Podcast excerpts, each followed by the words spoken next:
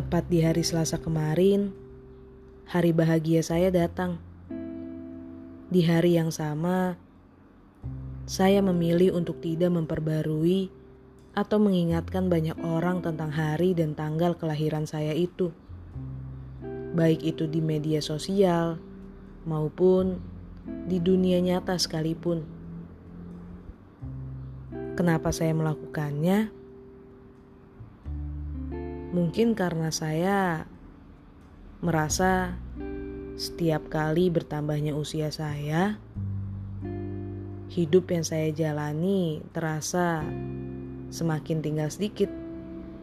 Bahkan saya juga merasa waktu yang saya punya juga berkurang begitu banyak ketika tanggal kelahiran saya berulang di setiap tahun.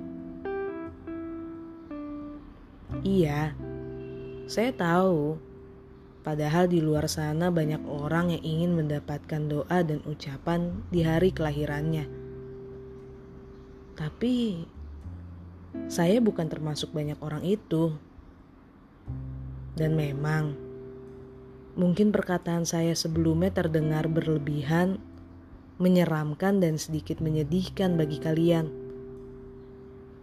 Tapi percayalah, apa yang kalian dengar saat ini itu yang saya rasakan setiap tahunnya.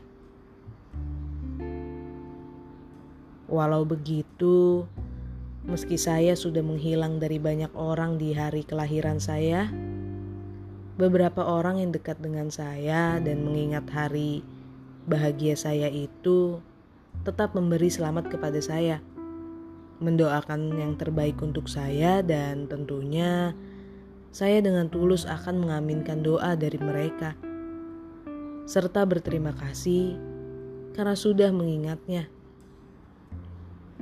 Lalu, sebenarnya apa sih yang ingin saya sampaikan di podcast kali ini? Mungkin yang ingin saya sampaikan hanya sekedar kalimat tentang hari bahagia, bukan hanya soal hari kelahiran, ulang tahun pernikahan, ataupun tentang merayakan kebersamaan dengan orang tersayang di tanggal tertentu. Tetapi hari bahagia menurut saya adalah tentang menghargai, mensyukuri apa yang sudah berhasil dilewati saat ini ataupun di hari-hari sebelumnya.